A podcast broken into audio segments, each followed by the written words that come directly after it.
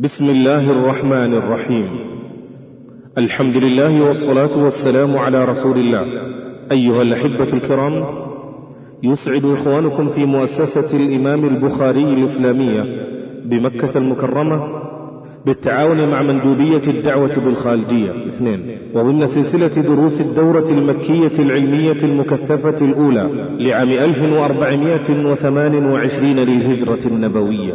أن يقدموا لكم ضمن المحاضرات المصاحبة للدورة محاضرة بعنوان بناء الملكة العلمية. لمعالي الشيخ الدكتور يوسف ابن محمد الغفاص. نسأل الله تعالى أن ينفعنا بما نسمع. والآن مع المحاضرة. الحمد لله نحمده ونستعينه ونستغفره ونتوب إليه ونعوذ بالله من شرور أنفسنا وسيئات أعمالنا. من يهده الله فلا مضل له ومن يضلل فلا هادي له وأشهد أن لا إله إلا الله وحده لا شريك له وأشهد أن محمدا عبده ورسوله. صلى الله عليه وعلى آله وصحبه وسلم تسليما كثيرا. أما بعد أيها الإخوة السلام عليكم ورحمة الله تعالى وبركاته. وينعقد هذا اللقاء المبارك بإذن الله سبحانه وتعالى في جامع المهاجرين بمكة في الشهر السابع من سنة ثمان وعشرين وأربعمائة وألف من الهجرة النبوية الشريفة على صاحبها أفضل الصلاة والسلام. وكما ترون أن العنوان الذي أشير به إلى المقصود في هذا المجلس كان تحت اسم بناء الملكة العلمية. وهذا المعنى يشير إلى مقدمة ينبغي للناظر في علم الشريعة والآخذ له والباحث فيه أن يكون على عناية بهذا المعنى الذي تضمنه هذا العنوان. وهذا العنوان أحببت أن يكون النظر فيه باعتبار متضمنه من جهة وباعتبار جملة من المقدمات المقولة تحته من جهة أخرى. فإذا يكون النظر في هذا اللقاء باعتبار هاتين الجهتين باعتبار المتضمن الذي يتضمنه معنى الملكة العلمية ومن جهة أخرى باعتبار مقدمات يفترض أن الناظر في علم الشريعة والباحث فيها والمطلع على كلام أئمة علم الشريعة أن يكون على عناية بهذه المقدمات. فأما من جهة الملكة وقدرها بل وضرورتها في النظر في علم الشريعة فذلك باعتبار أن الله سبحانه وتعالى خلق الناس على قدر من الاشتراك في الملكة من جهة مقام الإرادات ومن جهة مقام القدرة ومن جهة مقام العمل. كما أنه سبحانه وتعالى والمقصود بالاختلاف في العمل أي في هذا الاستعداد. وهذا الاشتراك في هذه الجهات والاختلاف فيها هو الموجب لعناية طالب العلم ببناء ملكته العلمية. فإنك إذا نظرت النفس والمدارك المسماة في القرآن بالعقل وفي نصوص أخرى بالقلب وليس المقصود الكلام في المهيات وإنما هي محل بصريح القرآن وبصريح السنة فإن القلب يذكر محلا للاعتبار ومحلا للعلم ومحلا للفقه إلى غير ذلك. وكذلك العقل فإنه يذكر موجبا لقبول الحقائق وعند فواته وسقوطه يسقط التكليف إلى غير ذلك من المعاني المذكورة في القرآن.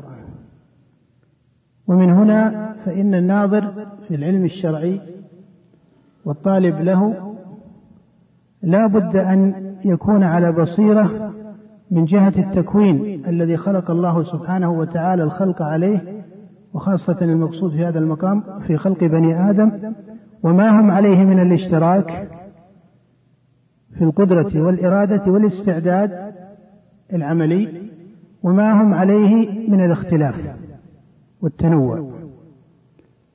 والنفس البشرية من حيث الأصل قابلة للخير قابلة للشر. فما خلق الله جل وعلا النفس على قبول الخير المحض من كل وجه وما خلق الله سبحانه وتعالى النفس على قبول الشر المحض بل خلقها الله قابلة للخير وقابلة للشر. وإن كان عند ابتداء خلقها ليست فاعلة للشر.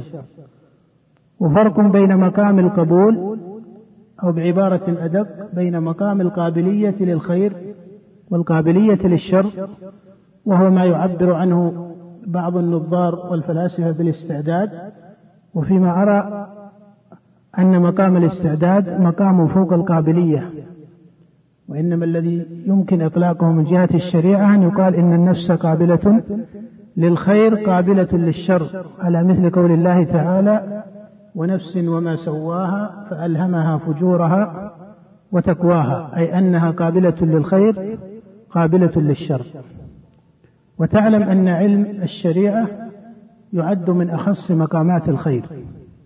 وكذلك الفقه في هذا العلم فإنه أيضا من أخص مقامات الخير على معنى قول النبي صلى الله عليه وآله وسلم كما في الصحيح وغيره من يريد الله به خيرا يفقهه في الدين. فإذا ما تبين هذا للناظر في علم الشريعة وأن النفس قابلة للخير والعلم منه وقابلة للشر والجهل منه أي الجهل بحق الله ومعرفته والعمل بما شرع على ألسنة الرسل عليهم الصلاة وفيما أوحى إلى الرسل عليهم الصلاة والسلام. بان للناظر في علوم الشريعة أن النفس محل لهذا التردد.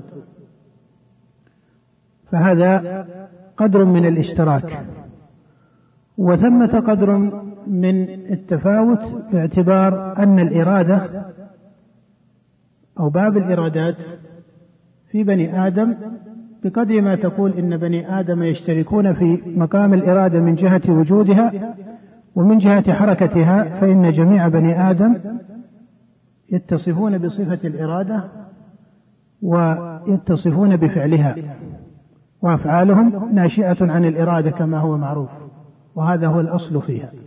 إلا أن هذه الإرادات في بني آدم بينها اختلاف وبينها تنوع بل وبينها تضاد. وكذلك من جهة القدرة فإن الله سبحانه وتعالى فاوت بين خلقه في مقام القدرة ويقصد بالقدرة هنا القدرة على اكتساب العلم جمعا له وفقها فيه. ولهذا رب حامل فقه ليس بفقيه فيه ورب حامل فقه إلى من هو أفقه منه. وكذلك في مقام الاستعداد للعمل.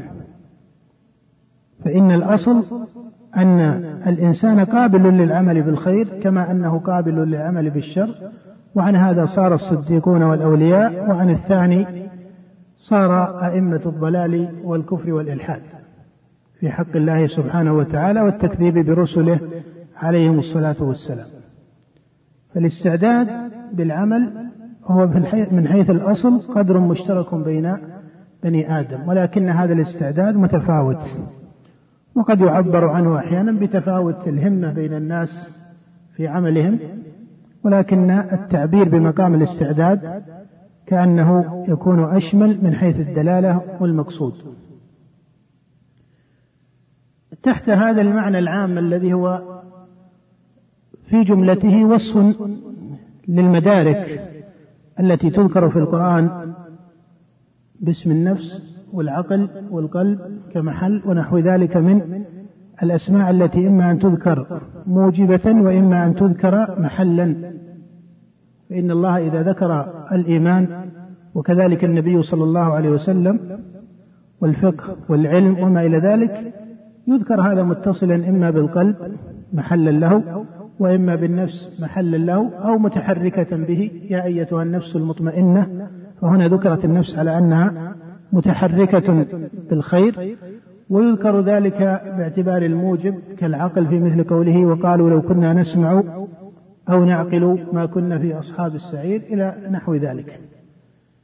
ومن هنا فإن بني آدم أو تقول إن الإنسان أو الناظر في العلم حتى تكون أو يكون البحث متصلا بالموضوع مباشرة الباحث في علم الشريعة والناظر فيها هو محل لهذا العلم.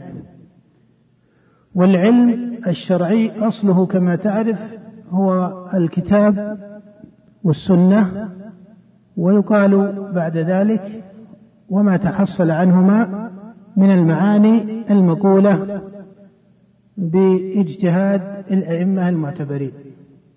فهذا يضاف إلى علم الشريعة. ويكون طالب العلم هنا هو محل لهذا العلم.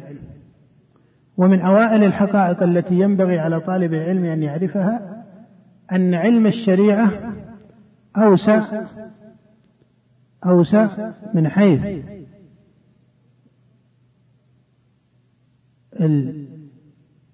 المعنى وحتى من حيث التطبيق والعمل من المحل القابل له. ولهذا لا ترى إنسانا تقول فيه إنه قد جمع العلم كله. ولا ترى إنسانا تقول إنه قد عمل بكل شيء مما تضمنه علم الشريعة واستلزمه. بل النقص والتقصير ثابت في بني آدم إلا باختصاص من الله سبحانه وتعالى وهي العصمة بعصمة الرسل عليهم الصلاة والسلام. وإلا فإن أحد الناس من المكلفين هم على أصل هذه الطبيعة وهذا من باب الحكم الكوني وليس من باب الحكم الشرعي الذي قال فيه الرسول عليه الصلاة والسلام كما في الصحيح وغيره كل بني آدم خطاء وخير الخطائين التوابون فإن قوله كل بني آدم خطاء هذا حكم أو إبانة للحكم الكوني وليس للحكم الشرعي. فإنه من حيث الحكم الشرعي فإن الإنسان قد نهي عن الخطأ والتجاوز وما إلى ذلك من المعاني والمعصية. ولكنه إبانة للمعنى الكوني الذي عليه النفوس وأنه يعتريها مقام النقص ويعتريها مقام الخطأ. ولهذا ترون أن الله جل وعلا حتى في ذكر صفات المتقين بالاسم المطلق بالاسم المطلق في مثل قوله وسارعوا إلى مغفرة من ربكم وجنة عرضها السماوات والأرض أعدت للمتقين. يذكر جل وعلا في صفات المتقين والذين إذا فعلوا فاحشة أو ظلموا أنفسهم ذكروا الله. مما يدل على أن ظلم النفس يعرض حتى لأهل التقوى الذين ذكروا في مثل هذا السياق من كتاب الله سبحانه وتعالى. حينما يدرك الناظر في العلم الطالب له أنه محل لعلم الشريعة وأن العلم أوسع من المحل. بهذين الاعتبارين يدرك أن هذه الطبيعة التي هو عليها وقد يكون النقص فيها إما كامنا في الإنسان باعتبار قابليته له وإما متحركا به باعتبار الظلم لنفسه. أو الوقوع في الخطأ فتكون طبيعته لها اتصال بنظره في علم الشريعة. وهذا لا بد أنه سيقع لأن العلم ولا سيما في مقام الاجتهاد ينظر فيه باعتبار المحل. ولهذا عني الأئمة رحمهم الله بمقام الاجتهاد وشرطه وذكروا شروطا كما تعرف عزيزة فيه. بل ومال بعض المتأخرين إلى إغلاق باب الاجتهاد. وإن كان هذا فيه نظر كثير. لأن المستجد والنازل في الأمة باعتبار تنوع واختلاف الوقائع التي تحتاج إلى حكم شرعي يتعذر معه عقلا وشرعا أن يقال إن باب الاجتهاد قد أغلق بالحكم الشرعي. وفرق بين أن تقول إن هذا المعين ليس من أهل الاجتهاد وبين أن يقال إن باب الاجتهاد قد تم إغلاقه. فهذا قول بعيد عن التحقيق لأنه على أقل أحواله يستلزم الدور كما يعبر في المنطق. ويعود إلى نفسه بالنقض والإسقاط. لماذا؟ لأن القول بأن الاجتهاد قد أغلق هذا قول في حكم شرعي أليس كذلك؟ حينما يقول ناظر في العلم أو صاحب علم كما قال بعض المتأخرين حرصا على عدم الافتيات في العلم ولكن لابد من تحرير المعنى على القواعد الشرعية لما قال من قال بإغلاق باب الاجتهاد فعند التحقيق هذه المقولة نفسها هي نوع من إيش؟ هي عند التحقيق كلمة اجتهاد لأنها إفادة بحكم. حينما تقول أو يقول عالم أو ناظر حتى ولو كان من أهل الاجتهاد بأن باب الاجتهاد قد أغلق فهذا هذا القول هو اجتهاد. فإذا كان مغلقا فما كان يمكن أن هذه الكلمة تأتي أصلا. لأنها هي نفسها كلمة اجتهاد بل هي حكم من أكبر الأحكام التي يمكن أن تقال في تراتيب الشريعة وأحكامها. ثم السؤال الذي يتسلسل فيما إذا وقع. ما هو من النازل والمستجد الذي لا صورة له سابقة؟ فإن هذا لا بد من النظر فيه إلى غير ذلك. على كل حال المقصود أن العلماء رحمهم الله عنوا بشرط الاجتهاد ومقامه وهو كذلك فإنه مقام شريف لا بد له من تحقق الشرط المناسب لثبوت هذا الاسم حتى يقال إن هذا من الاجتهاد الشرعي وفيما أرى أن هذا أولى من التسابق إلى التسمية بالمجتهد. فإن الذي ينبغي الضبط له هو الاجتهاد. أكثر من ضبط إيش؟ المجتهد. وإلا العناية بمقام المجتهد المطلق والشروط التي ذكرت فيه كما تعرفون في كتب أصول الفقه هي شروط في كثير من الأحوال يتعذر وجودها إلا في أحوال خاصة. من أعيان أهل العلم. وإنما الذي يعنى به أكثر هو الضبط للاجتهاد وأما المجتهد فهذا مقام آخر من حيث الشروط.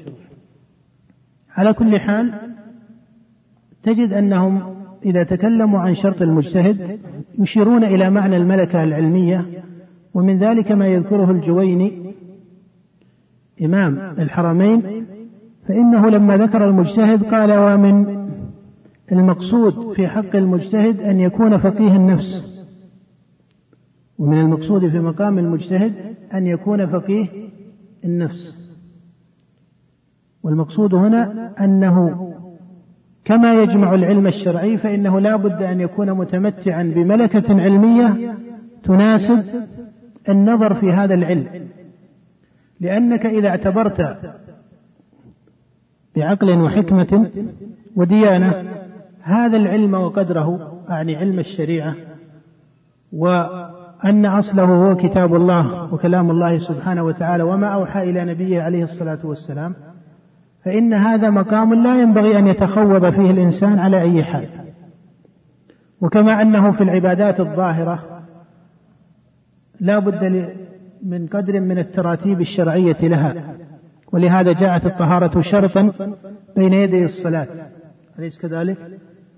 وجاءت مقدمات بين يدي كثير من العبادات. فكذلك في علم الشريعة من باب التعظيم لها من حيث الديانة ومن باب الضبط لها باعتبارها حقائق علمية من حيث الحكمة والعقل. لا بد أن الناظر فيها يكون على بصيرة وأن تكون ملكته منضبطة في نظره في علم الشريعة.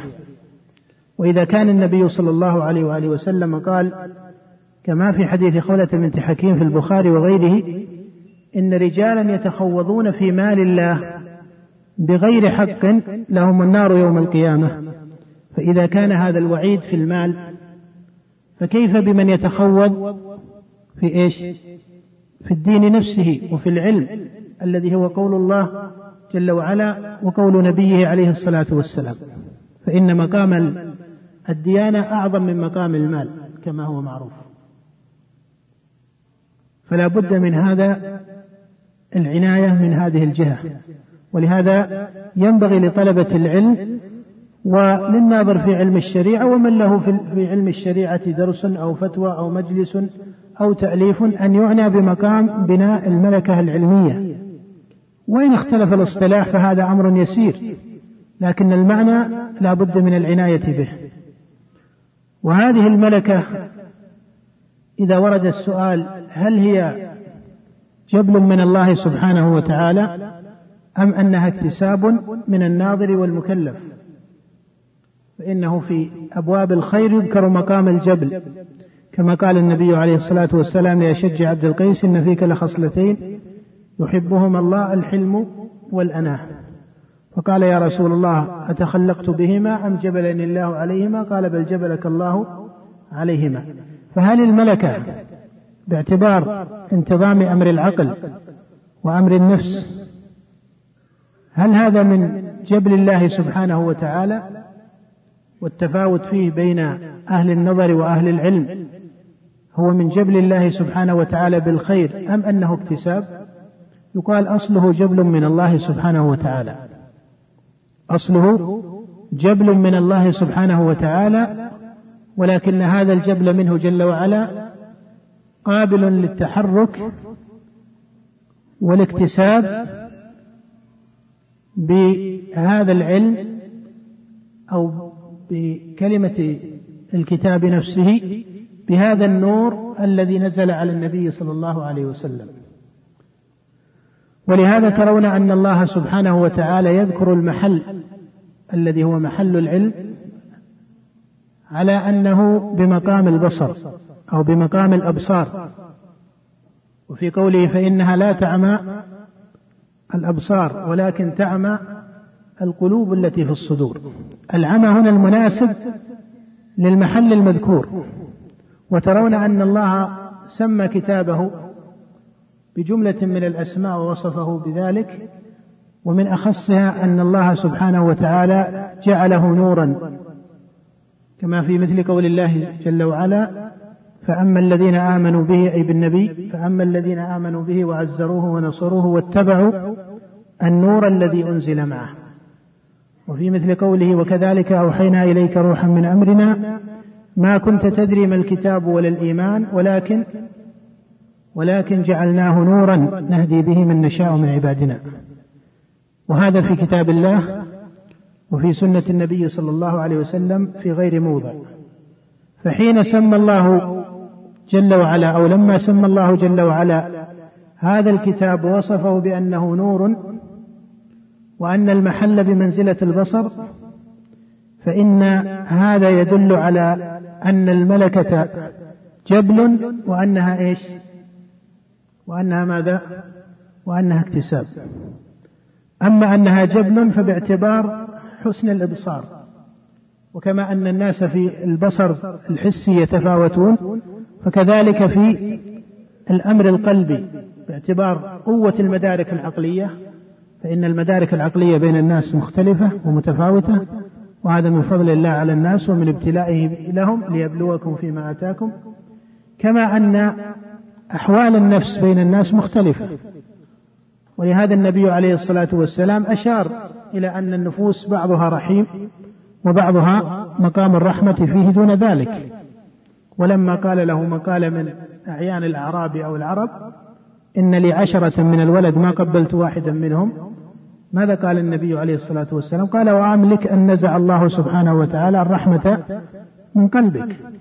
ولما بكى النبي كما في حديث سهل بن سعد أو دمعت عيناه عليه الصلاة والسلام كما في الصحيح وغيره عند وفاة ابنه إبراهيم. قال له عبد الرحمن ابن عوف رضي الله عنه يا رسول الله ما هذا؟ قال هذه رحمة. فترون في كتاب الله أن العقل يذكر كموجب وأن النفس هي المتحركة بالأحوال التي تناسبها. هي المتحركة بالأحوال التي تناسبها. فهذا الاختلاف هو اختلاف الأبصار باعتبار المعنى المقصود في مثل هذا السياق. والحق الذي نزل على النبي صلى الله عليه وسلم هو النور. ولهذا يذكر شيخ الإسلام ابن تيمية رحمه الله تعالى يقول إن مثل هذا الإنسان الناظر في العلم وهذا العلم الذي بعث الله به نبيه صلى الله عليه وسلم يقول هو بمنزلة النور مع البصر في الأمور الحسية. يقول فلو أن رجلا حديد البصر أي أن بصره فيه تمام وقوة ولكنه في محل مغلق بالظلام فإن بصره إيش؟ لا يكون مفيدا له في الجملة. قال وإذا كان عنده شيء من النور مع قوة البصر انتفع به على هذا القدر من التناسب. يقول وكذلك إذا كان ثمة نور قوي الإشعاع ولكن البصر ضعيف فهو أعشى البصر فإنه لا ينتفع بإيش؟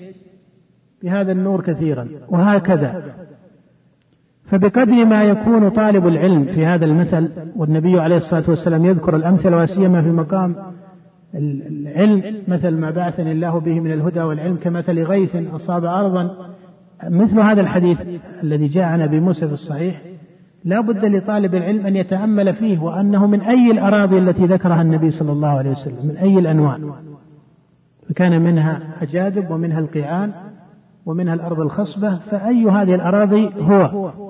هذا جزء منه إيش؟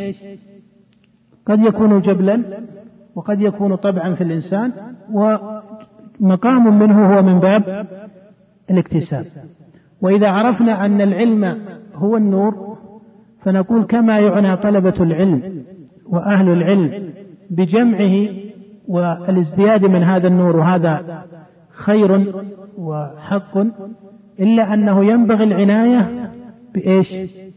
بحفظ مقام البصر يعني كما أن الإنسان يعنى بالبصر الحسي وبحفظه وبقوته وإذا كان أعشى ربما استعان بوسائل تضبط وترتب بصره فكذلك ينبغي العناية بهذا الإبصار الذي ذكر في مثل قول الله فإنها لا تعمى الأبصار ولكن تعمى القلوب. حفظ القلب عن العمى أو عن العشاء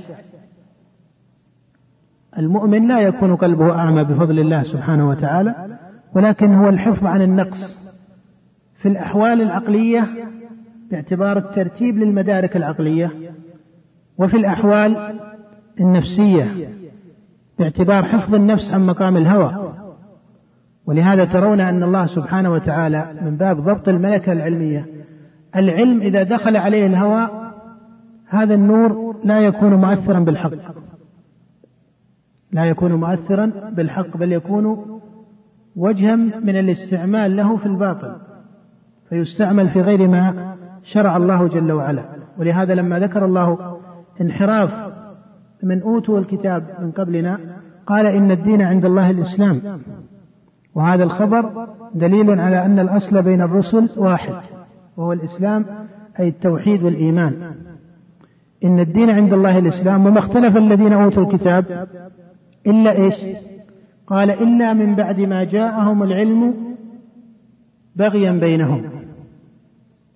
هذا سقوط ليس في اكتسابهم لهذا النور فإنهم كانوا يعرفونه.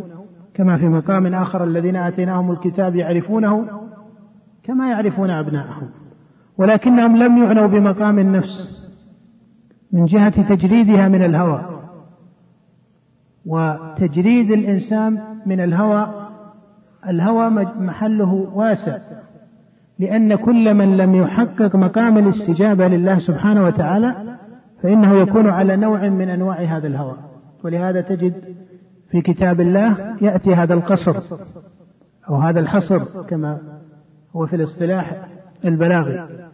يأتي ذلك في مثل قول الله جل وعلا فإن لم يستجيبوا لك فاعلم أنما يتبعون أهواءهم. فجعل الله سبحانه وتعالى الناس على أحد هذين إما مستجيب للرسل متبع لما بعثوا به وإما منفك عن هذا بشيء من الهوى والهوى مقامات. وكما أن الإيمان له أصل وله فرع ويزيد وينقص فإن الهوى كذلك. فإن الهوى كذلك. ومن هنا لا بد لطالب العلم كما يعنى بجمع العلم وحفظه وما إلى ذلك لا بد أن يعنى بمقام الملكة. باعتبار القلب وباعتبار باعتبار القلب كمحل وباعتبار المتحرك في باب الأحوال والإرادات وهي النفس أو في ترتيب المدارك وانتظامها وهو العقل. فيأخذ العلم على وجهه. فيأخذ العلم على وجهه وعلى نظامه. هذا إشارة إلى المقصود بمعنى الملكة العلمية وأنها باعتبار أو بتعبير عفوا بتعبير آخر حسن التدبير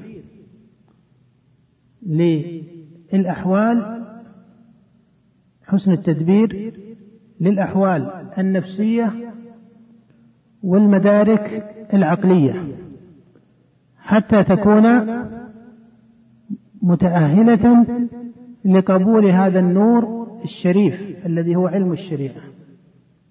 فتكون الأحوال النفسية منفكة عن الهوى ونحوه من العوارض التي لا تناسب هذا النور وشرفه ومقامه وتكون المدارك العقلية منفكة عن العوارض التي يجري فيها التقحم في الحقائق والقول فيها والقطع فيها على غير ترتيب علمي منتظم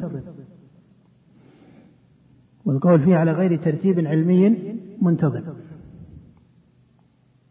هذا هو جملة المقصود بالملكة العلمية. أما إذا طغت هذه العوارض أما إذا طغت على هذه العوارض على الباحث والناظر في علم الشريعة فصارت النفس عنده مجدولة بكثير من الهوى كما وهذا ترى من باب التعريف. من باب التعريف بمعنى أنه لا بد للإنسان أن يعرف أن النفس يشغب عليها مقام الهوى ويعرض لها.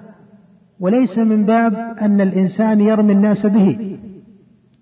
وليس من باب أن الإنسان يتكلف في رمي الناس به ولربما رمى به من هو بريء منه.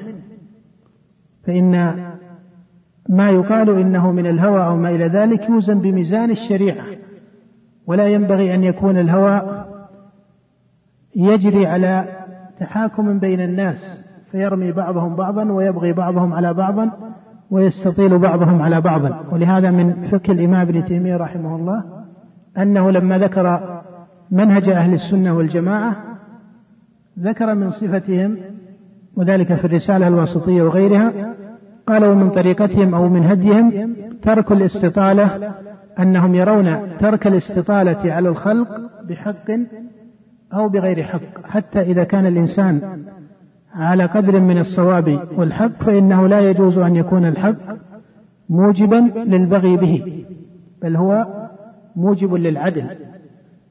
ولهذا ترون أن الله سبحانه وتعالى يحذر عباده المؤمنين من الظلم في مقام في مقام البغضاء كما في قوله سبحانه وتعالى ولا يجرمنكم شنآن قوم على ألا تعدلوا.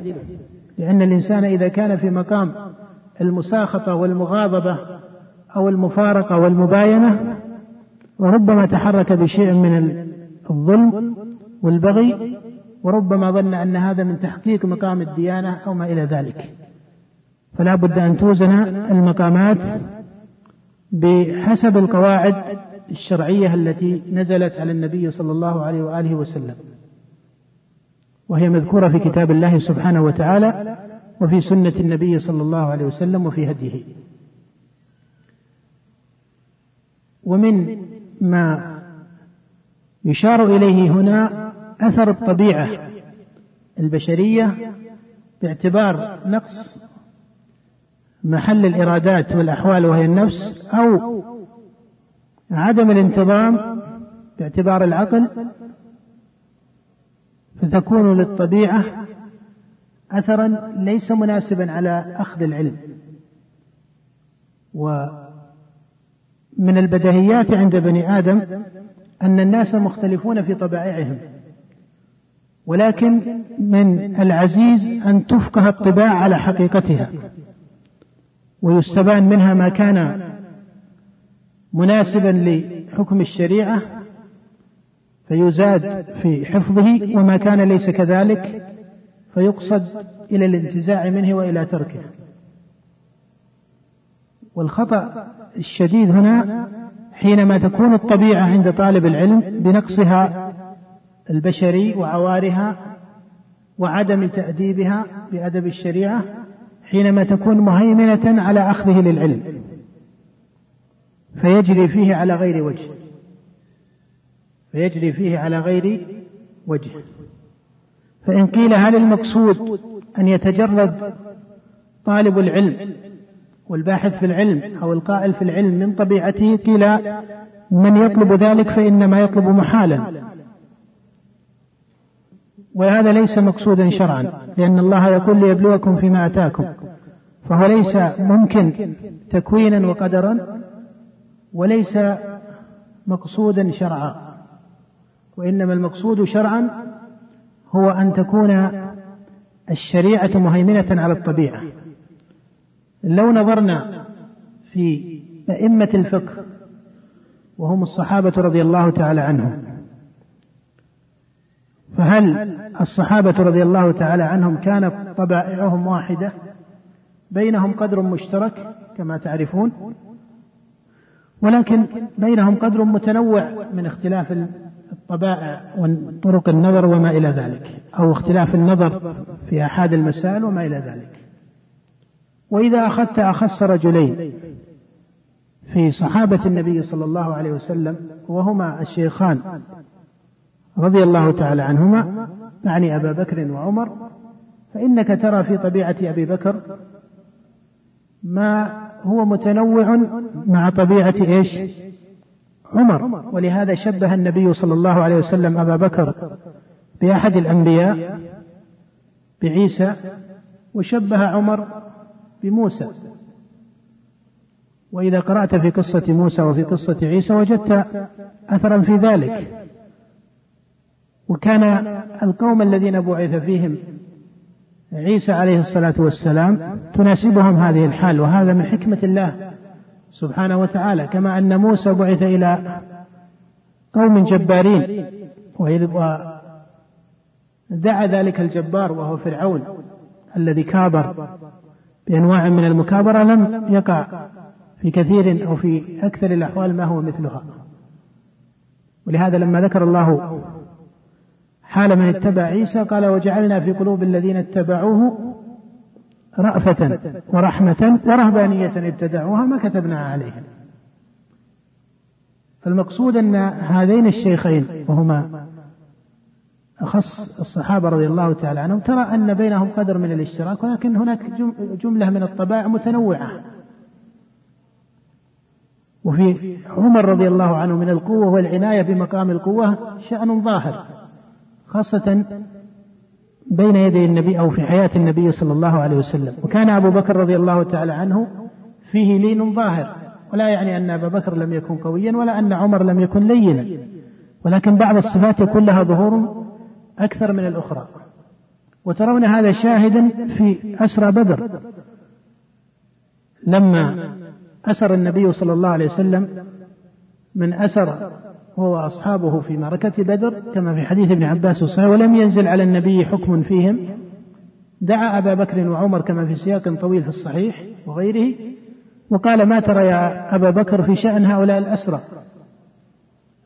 فاجتهد الصديق رضي الله عنه وقال يا رسول الله هم بنو العم والعشيرة وانظروا إلى كلمات أبي بكر.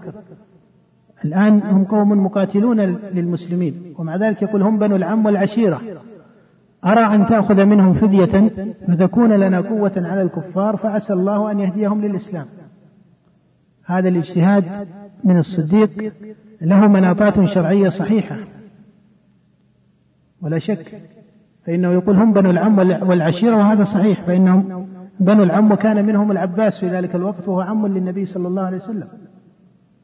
فيقول هم بنو العم والعشيرة. والنبي عليه الصلاة والسلام كان يقصد إلى أن لا يقال في العرب إن محمدا قد قتل قومه أو قتل أصحابه.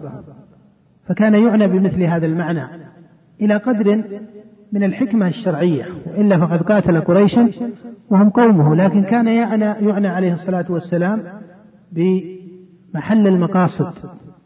كما قال عن عبد الله بن أبي لما رجع في قتله لا يتحدث الناس أن محمدا يقتل أصحابه. وقال ذلك في غير عبد الله بن أبي أيضا. وهذا من العناية بمقاصد الشريعة الذي بعث بها النبي صلى الله عليه وسلم وسميت حكمة. ولهذا سمى الله ما آتاه نبيه عليه الصلاة والسلام سماه حكمة باعتبار أن هذه الشريعة كما تتضمن الحكم فإنها تتضمن إيش؟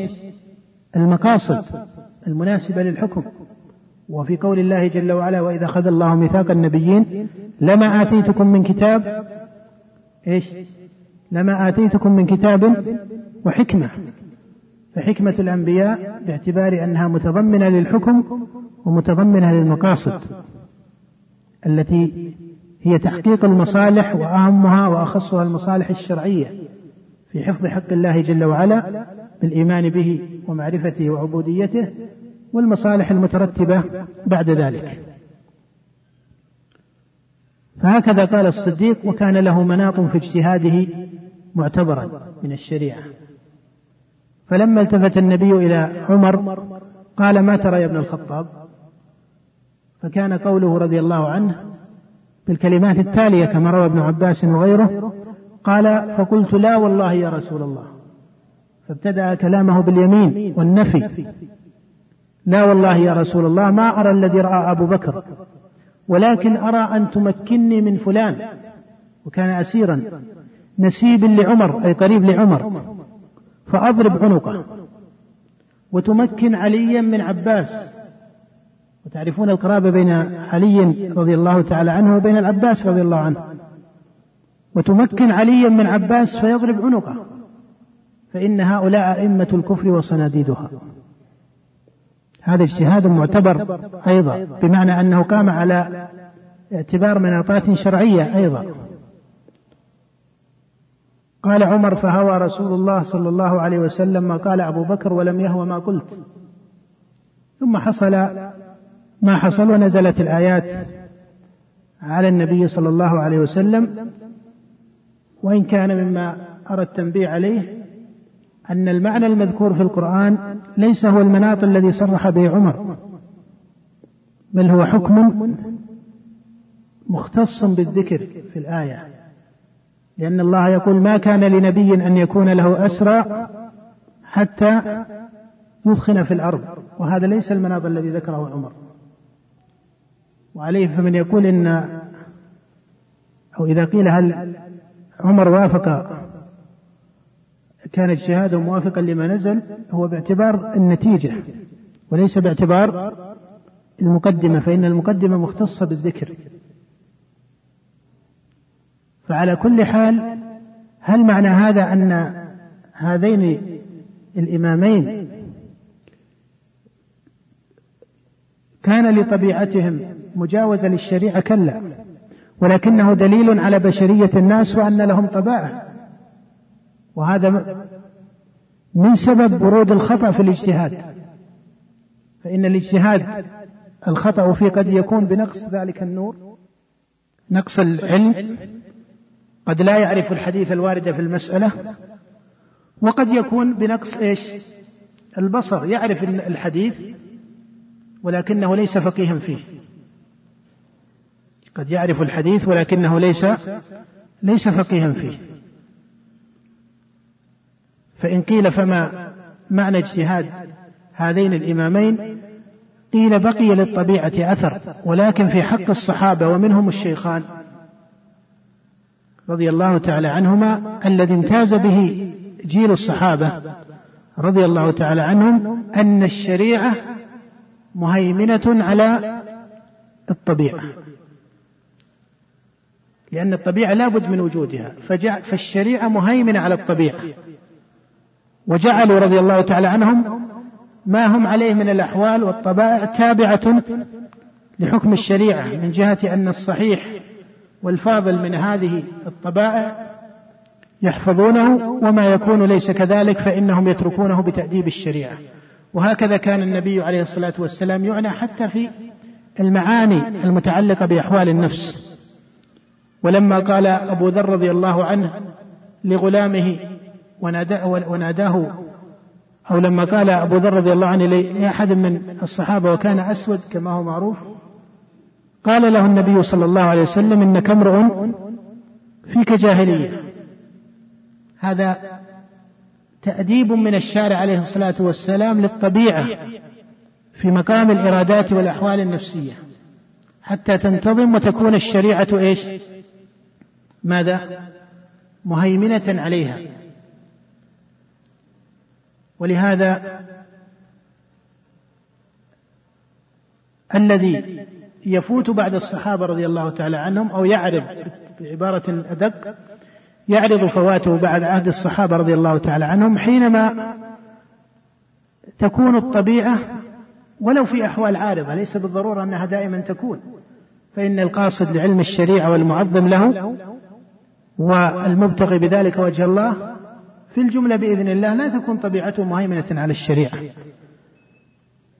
لأنه يقصد الديانة ومقام العلم وتعظيم العلم والاجتهاد الصحيح فيه. ولكن في بعض الأحوال ربما عرض في بعض المسائل فصارت طبيعته موازية أو مهيمنة على النظر الشرعي عنده وربما درى ذلك كما يقول الإمام ابن تيمية وربما كان كما يقول بعبارة شيخ الإسلام يقول وربما كان هذا في مقامات الأحوال والنزاع والاختلاف وجها من الخو من الهوى الخفي الذي يخفى حتى على من عرف بمقام من العلم والديانة.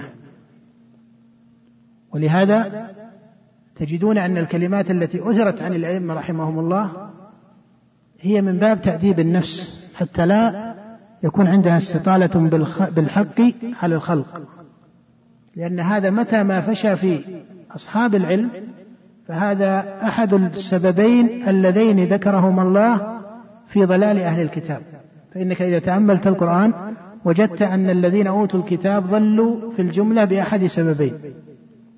إما أنهم اشتروا بآيات الله ثمنا قليلا وإما أنهم اتخذوا العلم بغيا بينهم. وكثير من فروع هذين السببين ترجع بل عامة الفروع ترجع إلى هذين السببين.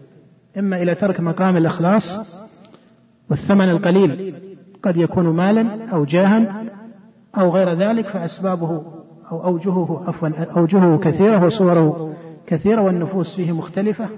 فبعض الناس ربما يعنيه المال وربما يعنيه الجاه وربما يعنيه كذا وربما يعنيه كذا. والبغي وصوره كثيرة أيضا. ولهذا كان النبي صلى الله عليه وسلم يغلق أسباب البغي بين الأمة وهذا لا بد لطلبة العلم خاصة وأهل العلم خاصة وأهل العلم خاصة وللمسلمين عامة أن يعنوا به. وللمسلمين عامة أن يعنوا به أي بإغلاق أسباب البغي بينهم.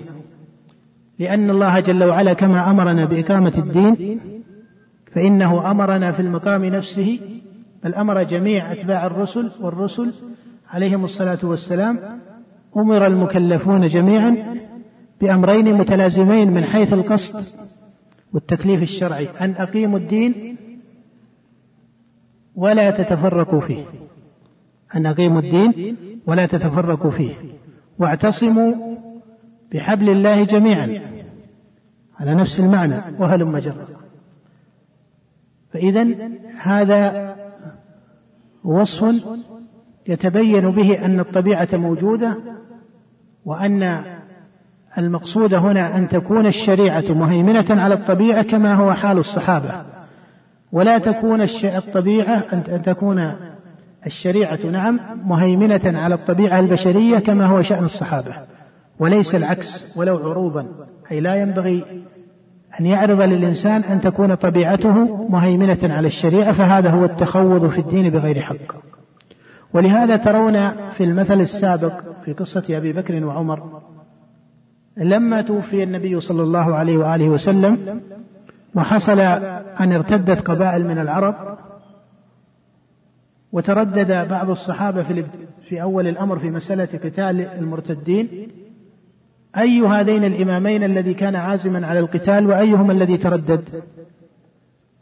لو كانت الأمور بطرد الطبائع لو كانت الأمور بطرد الطبائع وأن الطبيعة عندهم تهيمن على الشريعة لرأيت أبا بكر هو الذي يتردد وعمر هو الذي يقول لأن فيه قوة رضي الله تعالى عنه. وقد قام بين يدي النبي صلى الله عليه وسلم في غير مرة ويقول دعني أضرب عنق هذا يا رسول الله. ولكن لأن الصحابة رضي الله عنهم وهذان الإمامان هما أخصهم الشريعة مهيمنة على طبيعتهم أبو بكر هو الذي عزم وقال والله لو منعوني عقالا كانوا يؤدونه إلى رسول الله لقاتلتهم على منعه. وعمر هو الذي تردد وكان يقول لأبي بكر كما في رواية أبي هريرة وغيره في الصحيح كيف تقاتل الناس؟ وقد قال رسول الله أمرت أن أقاتل الناس حتى يشهدوا أن لا إله إلا الله وأني رسول الله. إلى أن قال عمر فوالله ما هو إلا أن رأيت الله. قد شرح صدر أبي بكر للقتال فعرفت أنه الحق. ولهذا عمر رضي الله عنه ولا سيما بعد وفاة النبي وبخاصة بعد وفاة أبي بكر كان رضي الله عنه بانت رحمته أكثر في الإدراك والقراءة في أحوال تردد فيها لأنه بين يدي رسول الله عليه الصلاة والسلام كان بين يدي الإمام الصادق المصدوق الذي لا ينطق عن الهوى فما يمكن أن عمر يتجاوز في الأمر أو يفعل ما ليس مشروعا. كما قال له النبي في حديث جابر عن بن صياد إن يكنه لما قال عمر يا رسول الله دعني أضرب عنقه يعني ابن صياد قال النبي إن يكنه فلن تسلط عليه وإلا يكنه فلا خير لك في قتله. لكن فيما بعد لما صار هو إليه يرجع الاجتهاد في خلافته تجدون أنه كان حريصا على الاحتياط في هذا الأمر لأنه يعرف أن أن الاجتهاد سينتهي به لكن إذا تكلم عند النبي عليه الصلاة والسلام يعرف أن رسول الله عليه الصلاة والسلام هو الذي يبين له. ولهذا لما وقع الطاعون وقد سار عمر ومعه الأجناد إلى الشام وقد ساروا إلى الشام كما في حديث ابن عباس فبلغه أن الطاعون قد وقع بالشام.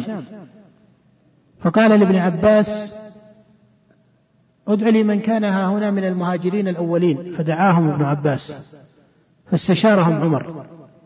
هل يتقدم بالجيش إلى الشام والطاعون قد فشى فيها أو يرجع إلى المدينة؟ قال ابن عباس فاختلفوا عليه.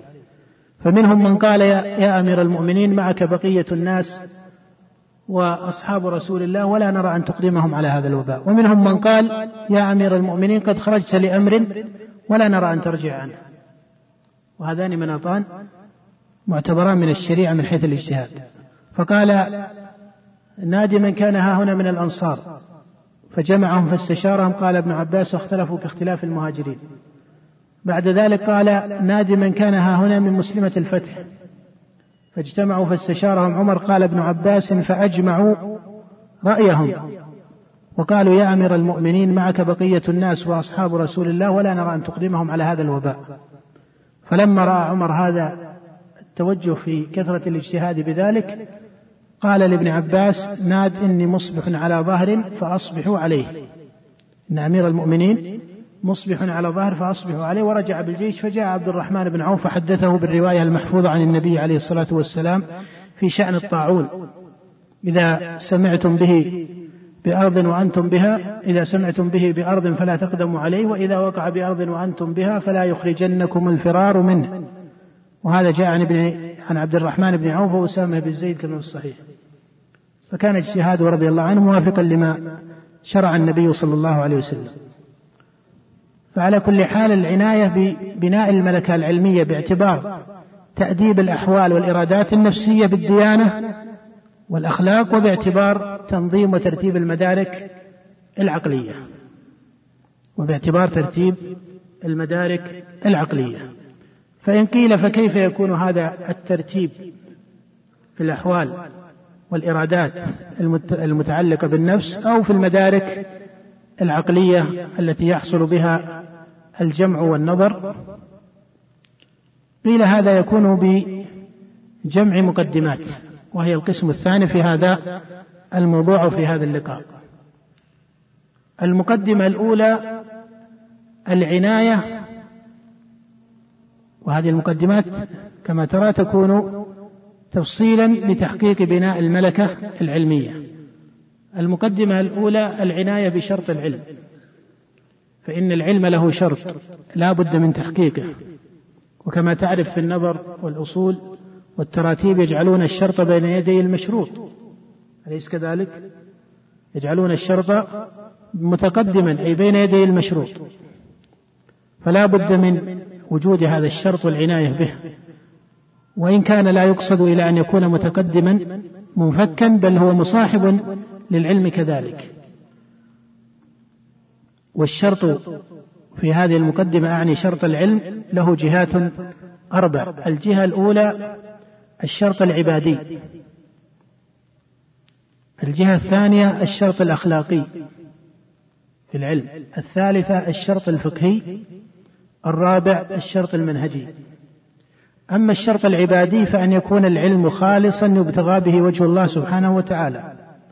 وهذا معنى لا يصلحه إلا الإنسان مع نفسه بتوفيق الله وتسديده. فهو لا يكتسب من كلام الشيوخ أو فعلهم وإن كان يستفاد من كلامهم. ولكن هو عبادة بين العبد وبين ربه لا يعلم عنها إلا الله. وأهم مقام في شرط العلم هو هذا الشرط الشرط العبادي أن يكون العلم خالصا لوجه الله يقصد به التعبد والتقرب إلى الله سبحانه وتعالى. ومتى ما حقق طالب العلم والعالم هذا الشرط عظم القول في علم الشريعة والفتوى فيها والبحث فيها وحسن النظر في هذا الباب. أختصر كسبا للوقت. الشرط الثاني الشرط الأخلاقي. والعلم له خلق. لا بد منه وإن كان مع الأسف صار الخلق يعد من لطائف الأحوال ومن مكملات الأحوال ولا يعد مقاما مقصودا بالخير والتشريع والحق ليس كذلك. ولهذا وصف الله نبيه وسمى الدين خلقا في قوله سبحانه وإنك لعلى خلق عظيم. المقصود بالخلق هنا الدين الذي كان عليه النبي صلى الله عليه وسلم كما في تفسير بعض أهل العلم. اذا تحقيق الملكة العلمية يكون بجملة من المقدمات أولها العناية بتحقيق شرط العلم. وقيل إن شرط العلم له جهات أربع. الجهة الأولى الشرط العبادي بتحقيق مقام الإخلاص لله سبحانه والتدين والتقرب لله سبحانه وتعالى بهذا العلم. وعن هذا كان الإمام أحمد وأمثاله يقولون العلم لا يعدله شيء لمن صحت نيته. فإنه فاضل بل ذهب كثير من أهل العلم إلى أنه هو أفضل النوافل بعد الفرائض وهو الاشتغال بعلم الشريعة. آه، الشرط الثاني أو الجهة الثانية في الشرط الشرط الأخلاقي. والمقصود بالأخلاق هنا معناها الشامل. وليس ينبغي أن تختصر الأخلاق في فقه المسلمين عامة وخاصة بجملة من لطائف النفس والكلمات وبعض تراتيب التعامل فإن هذه مقام من الأخلاق ولكن الأخلاق أوسع من ذلك. ولهذا عائشة رضي الله عنها كما في الصحيح لما سئلت عن خلق النبي كما في سياق طويل قالت كان خلقه القرآن وقال الله عن نبيه وهل إنك لعلى خلق عظيم وقال من قال من المفسرين بأن الخلق هنا المقصود به الدين. فلا بد من فقه لمقام الأخلاق. ومن أخص ما ينافيها عن مقام الأخلاق أن يتخذ العلم بغيا. فإذا بغي بعلم الشريعة فإن شرطه قد سقط. الشرط الموجب لكون هذا العلم يهدي إلى الحق ويهدي إلى الصراط المستقيم ويوجب رضا الله سبحانه وتعالى. وسبق الإشارة إلى حال أهل الكتاب. الذين قال الله في ذكرهم إن الدين عند الله الإسلام وما اختلف الذين أوتوا الكتاب إلا من بعد ما جاءهم العلم بغيا بينهم. ومعنى الأخلاق أيضا ينتظم تحته جملة من معاني النفس وأحوالها. جملة من معاني النفس وأحوالها وعلى العاقل وطالب العلم بخاصة أن يكون بصيرا بترتيب أحوال نفسه وما هو من رضا الله سبحانه وتعالى وما ليس كذلك. والله جل وعلا قد جعل لعباده منهجا وسطا كما تعرفون وكذلك جعلناكم أمة وسطا لتكونوا شهداء على الناس. فينبغي أن يضبط الطالب للعلم والناظر في علم الشريعة والمعلم له مقام العلم بخلقه الشريف. الذي كان عليه أئمة العلماء رحمهم الله من أئمة الفقه والحديث ويقرأ في سيرهم. وقبل ذلك أئمة العلم الذين هم أنبياء الله عليهم الصلاة والسلام الذين أوحى الله إليهم وعصمهم. ويقرأ في مجادلاتهم وفي دعوتهم وفي حججهم مع قومهم. قصة إبراهيم في قول الله جل وعلا وكذلك نري إبراهيم ملكوت السماوات والأرض وليكون من الموقنين. فلما جن عليه, عليه الليل في سياق آيات من كتاب الله إلى أن قال جل وعلا وتلك حجتنا آتيناها إبراهيم على قومه. نرفع درجات من نشاء. فيقرأ في حقائق هذه الحجج من جهة ما فيها من تحقيق الإخلاص لله وما فيها من ضبط مقام العدل. والأخلاق الواجبة المقربة إلى الشريعة التي تقرب النفوس إلى الإيمان بالله سبحانه وتعالى ويحصل بها تمام الحجة وتمام البلاغ على الناس. الشرط الثالث أو الجهة الثالثة في الشرط ويوصف الشرط المنهجي أو عفوا الشرط الفقهي ثم الرابع المنهجي. ويقصد بالفقه هنا الفقه بمعناه الشمولي المذكور في قول النبي عليه الصلاة والسلام كما في الصحيح وغيره من يريد الله به خيرا يفقهه في الدين. فيبتغي طالب العلم الفقه في الدين ويأخذ بأسباب هذا وله أسباب علمية لا يسع المقام للدخول فيها. الجهة الرابعة في الشرط وهو الشرط المنهجي بأن يضع طالب العلم له منهجا علميا مناسبا لمقامه من حيث إرادته وإقباله وقدرته. ومداركه فإن مدارك الناس وإرادتهم وفراغهم مختلف. فلا بد لطالب العلم من حسن التدبير والحكمة أن يأخذ من كلام أهل العلم ما يكون من حيث العرض ومن حيث الأسلوب ومن حيث التراتيب ما يكون مناسبا له. فمن كان أهلا أن يقرأ في الكتب المطولات فليقرأ فيها ومن كان مداركه لا تحتمل هذه الكتب المطولة فليأخذ ما دون ذلك وهلم جرا فإن المدارك والإرادات بينها تنوع واختلاف كما سبق. المقدمة الثانية بعد تحقيق شرط العلم بجهاته الأربع والعناية بهذه الجهات كلها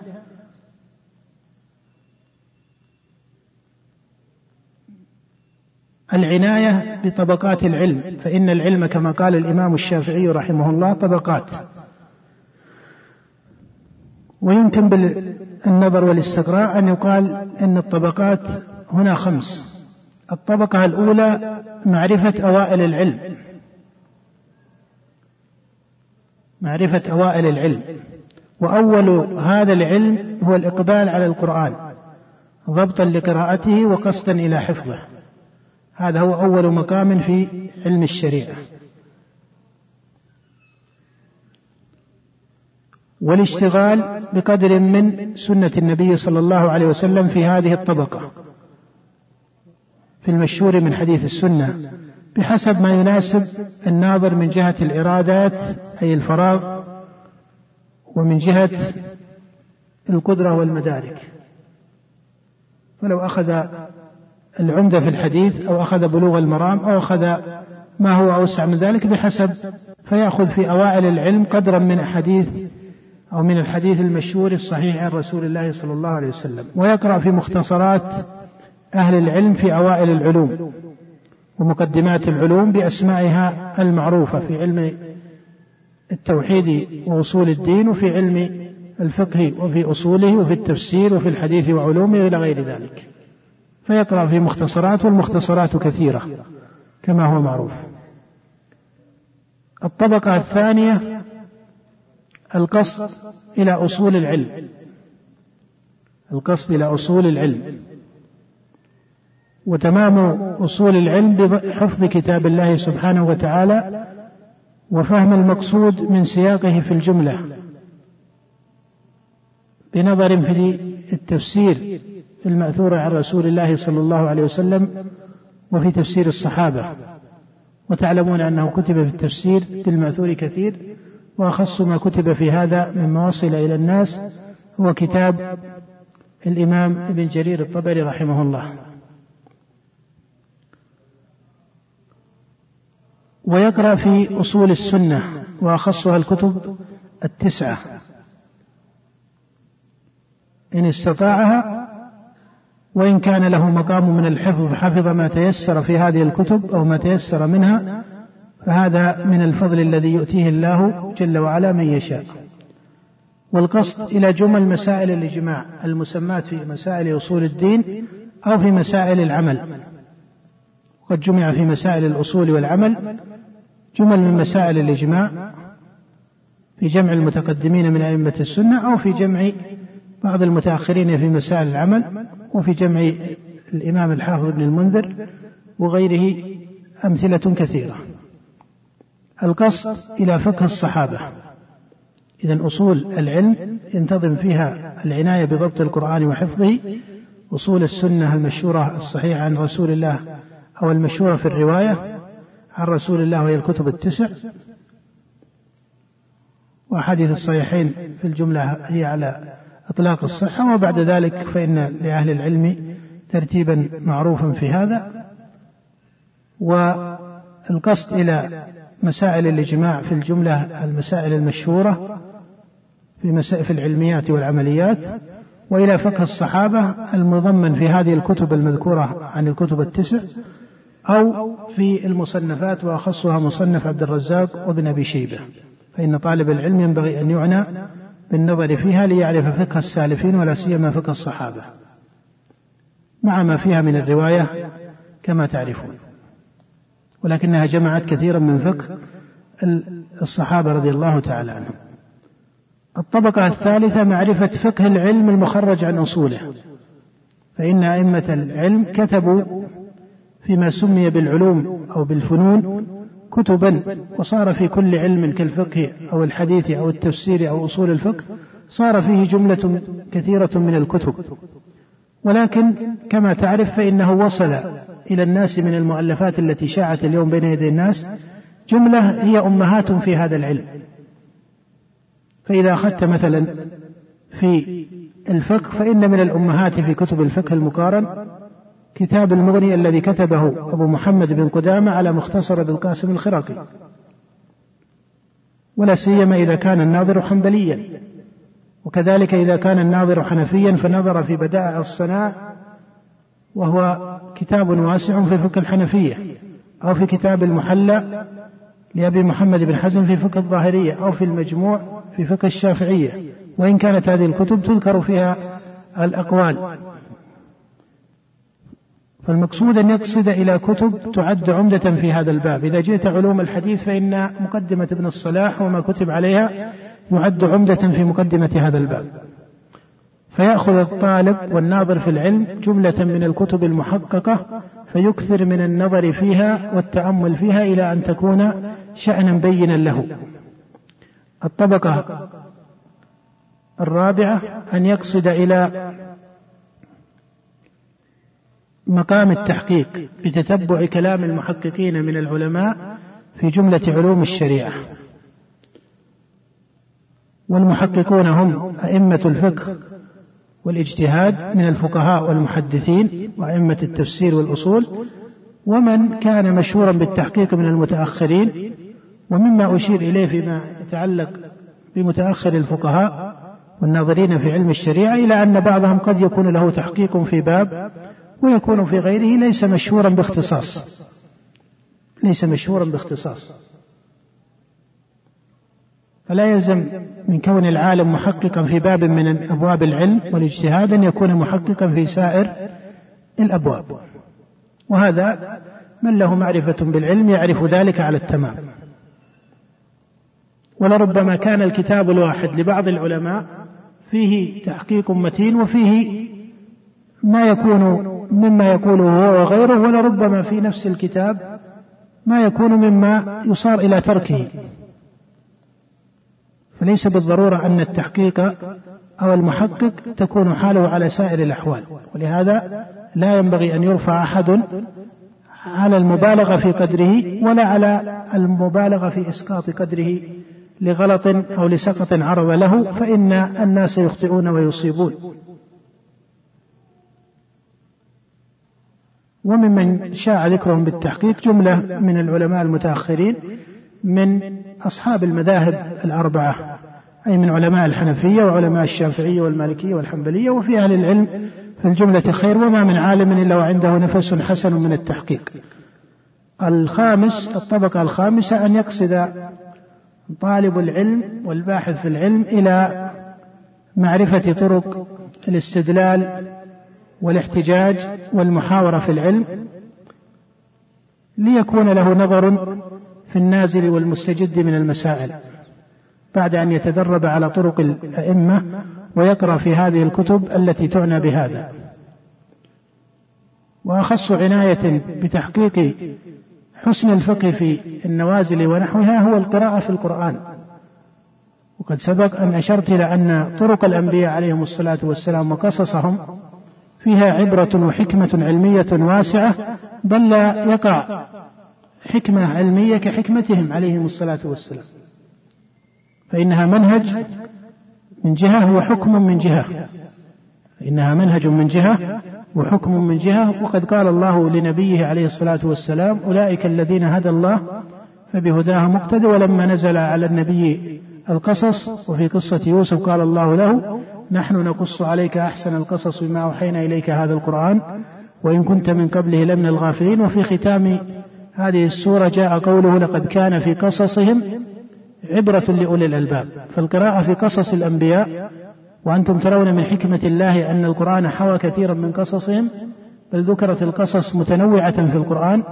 القراءة في هدي النبي صلى الله عليه وسلم وسيرته ولا سيما المحفوظة ومن فقه المحدثين أنهم كما ذكروا في كتبهم التي صنفوها في الرواية الصحيحة أو في الرواية في الجملة كما ذكروا كتاب الصلاة كما في صحيح البخاري وغيره من كتب السنة كما يذكرون كتاب الصلاة وكتاب التوحيد وكتاب الصيام والحج فإنهم يذكرون المغازي ويذكرون أدب النبي صلى الله عليه وسلم وما إلى ذلك. القراءة في سير النبي عليه الصلاة والسلام وهدي صحابته هذا له شأن كبير في فقه طالب العلم واستقامة ديانته واستقام فقهه وعلمه. والقراءة في كتب الأئمة الذين عرفوا بالتحقيق في هذا وكتبوا في هذا كتطبيقات كالقراءة في كتاب الأم للإمام الشافعي. فإنك أو فإن الناظر فيه قد يقرأ الكتاب على معنى معرفة رأي الشافعي في المسألة المعينة. وهذا فيما أرى أنه ليس هو المقصود الأعظم في هذا الكتاب. لأن معرفتك بمذهب الشافعي يمكن أن يتحصل باضطراد في كتب الشافعية. لكن مثل هذا الكتاب ينبغي أن يقرأ كمنهج في طريقة الاستدلال التي يستعملها الإمام الشافعي في هذا الكتاب وله طرق على جملة من المسائل آه، معروفة من حيث قوة الضبط حسن الاستدلال أثر اللغة على تفسير خطاب الشارع أثر القواعد والمقاصد على تفسير الحكم ودلالة النص. الكلام في بيان النص ومفاد هذا البيان يعني كتاب الأم كتاب يعتبر منهج ينبغي أن يدارس حتى بين الكبار من طلبة العلم فيجعلونه من مجالس المذاكرة والمدارسة. مثل ذلك في جوابات الكبار من الأئمة كالمدونة في جوابات مالك رحمه الله. انظر إلى طريقته في الجواب أو تعليقاته في موطئه رحمه الله بجملة من التعليقات العلمية وتعليقات الإمام الترمذي في جامعه. وجوابات الإمام أحمد التي رواها جملة من أصحابه عنه. والحجة على أهل المدينة الذي كتبه الإمام الحنفي محمد بن حسن بن الحسن الشيباني صاحب الإمام أبي حنيفة. فإن هذه من أجود وغيرها وأمثالها من أجود الكتب أو التي تعطي طالب العلم فقها متينا أصيلا معتدلا منتظما في التدريب على الملكة العلمية في التطبيق. على كل حال هذه هي الطبقة الخامسة والموضوع التسلسل فيه يطول ولكن لكون الوقت آه، ناسب الانتهاء فنكتفي بهذا القدر ونسأل الله جل وعلا أن يجعلنا هداة مهتدين وأن يرزقنا الفقه في الدين وصلى الله وسلم على نبينا محمد وآله وصحبه أجمعين. نقص العلم قد لا يعرف الحديث الوارد في المسألة وقد يكون بنقص إيش؟ البصر يعرف الحديث ولكنه ليس فقيها فيه. قد يعرف الحديث ولكنه ليس ليس فقيها فيه. فإن قيل فما معنى اجتهاد هذين الإمامين قيل بقي للطبيعة أثر ولكن في حق الصحابة ومنهم الشيخان. رضي الله تعالى عنهما الذي امتاز به جيل الصحابة رضي الله تعالى عنهم أن الشريعة مهيمنة على الطبيعة. لأن الطبيعة لابد من وجودها. فالشريعة مهيمنة على الطبيعة. وجعلوا رضي الله تعالى عنهم ما هم عليه من الأحوال والطبائع تابعة لحكم الشريعة من جهة أن الصحيح والفاضل من هذه الطبائع يحفظونه وما يكون ليس كذلك فإنهم يتركونه بتأديب الشريعة. وهكذا كان النبي عليه الصلاة والسلام يعنى حتى في المعاني المتعلقة بأحوال النفس. ولما قال أبو ذر رضي الله عنه لغلامه وناداه أو لما قال أبو ذر رضي الله عنه لأحد من الصحابة وكان أسود كما هو معروف قال له النبي صلى الله عليه وسلم إنك امرؤ فيك جاهلية. هذا تأديب من الشارع عليه الصلاة والسلام للطبيعة في مقام الإرادات والأحوال النفسية. حتى تنتظم وتكون الشريعة إيش؟ ماذا؟ مهيمنة عليها. ولهذا الذي يفوت بعد الصحابة رضي الله تعالى عنهم أو يعرض بعبارة أدق يعرض فواته بعد عهد الصحابة رضي الله تعالى عنهم حينما تكون الطبيعة ولو في أحوال عارضة ليس بالضرورة أنها دائما تكون فإن القاصد لعلم الشريعة والمعظم له والمبتغي بذلك وجه الله في الجملة بإذن الله لا تكون طبيعته مهيمنة على الشريعة لأنه يقصد الديانة ومقام العلم وتعظيم العلم والاجتهاد الصحيح فيه. ولكن في بعض الأحوال ربما عرض في بعض المسائل فصارت طبيعته موازية أو مهيمنة على النظر الشرعي عنده وربما درى ذلك كما يقول الإمام ابن تيمية وربما كان كما يقول بعبارة شيخ الإسلام يقول وربما كان هذا في مقامات الأحوال والنزاع والاختلاف وجها من الخو من الهوى الخفي الذي يخفى حتى على من عرف بمقام من العلم والديانة. ولهذا تجدون أن الكلمات التي أجرت عن الأئمة رحمهم الله هي من باب تأديب النفس حتى لا يكون عندها استطالة بالحق على الخلق. لأن هذا متى ما فشى في أصحاب العلم فهذا أحد السببين اللذين ذكرهما الله في ضلال أهل الكتاب. فإنك إذا تأملت القرآن وجدت أن الذين أوتوا الكتاب ضلوا في الجملة بأحد سببين. إما أنهم اشتروا بآيات الله ثمنا قليلا وإما أنهم اتخذوا العلم بغيا بينهم. وكثير من فروع هذين السببين ترجع بل عامة الفروع ترجع إلى هذين السببين. إما إلى ترك مقام الإخلاص والثمن القليل قد يكون مالا أو جاها أو غير ذلك فأسبابه أو أوجهه عفوا أوجهه كثيرة وصوره كثيرة والنفوس فيه مختلفة. فبعض الناس ربما يعنيه المال وربما يعنيه الجاه وربما يعنيه كذا وربما يعنيه كذا. والبغي وصوره كثيرة أيضا. ولهذا كان النبي صلى الله عليه وسلم يغلق أسباب البغي بين الأمة وهذا لا بد لطلبة العلم خاصة وأهل العلم خاصة وأهل العلم خاصة وللمسلمين عامة أن يعنوا به. وللمسلمين عامة أن يعنوا به أي بإغلاق أسباب البغي بينهم. لأن الله جل وعلا كما أمرنا بإقامة الدين فإنه أمرنا في المقام نفسه بل أمر جميع أتباع الرسل والرسل عليهم الصلاة والسلام أمر المكلفون جميعا بأمرين متلازمين من حيث القصد والتكليف الشرعي أن أقيموا الدين ولا تتفرقوا فيه. أن أقيموا الدين ولا تتفرقوا فيه. واعتصموا بحبل الله جميعا. على نفس المعنى وهلم جرا فإذا هذا وصف يتبين به أن الطبيعة موجودة وأن المقصود هنا أن تكون الشريعة مهيمنة على الطبيعة كما هو حال الصحابة. ولا تكون الطبيعة أن تكون الشريعة نعم مهيمنة على الطبيعة البشرية كما هو شأن الصحابة. وليس العكس ولو عروبا أي لا ينبغي أن يعرض للإنسان أن تكون طبيعته مهيمنة على الشريعة فهذا هو التخوض في الدين بغير حق. ولهذا ترون في المثل السابق في قصة أبي بكر وعمر لما توفي النبي صلى الله عليه وآله وسلم وحصل أن ارتدت قبائل من العرب وتردد بعض الصحابة في, في أول الأمر في مسألة قتال المرتدين أي هذين الإمامين الذي كان عازما على القتال وأيهما الذي تردد؟ لو كانت الأمور بطرد الطبائع لو كانت الأمور بطرد الطبائع وأن الطبيعة عندهم تهيمن على الشريعة لرأيت أبا بكر هو الذي يتردد وعمر هو الذي يقول لأن فيه قوة رضي الله تعالى عنه. وقد قام بين يدي النبي صلى الله عليه وسلم في غير مرة ويقول دعني أضرب عنق هذا يا رسول الله. ولكن لأن الصحابة رضي الله عنهم وهذان الإمامان هما أخصهم الشريعة مهيمنة على طبيعتهم أبو بكر هو الذي عزم وقال والله لو منعوني عقالا كانوا يؤدونه إلى رسول الله لقاتلتهم على منعه. وعمر هو الذي تردد وكان يقول لأبي بكر كما في رواية أبي هريرة وغيره في الصحيح كيف تقاتل الناس؟ وقد قال رسول الله أمرت أن أقاتل الناس حتى يشهدوا أن لا إله إلا الله وأني رسول الله.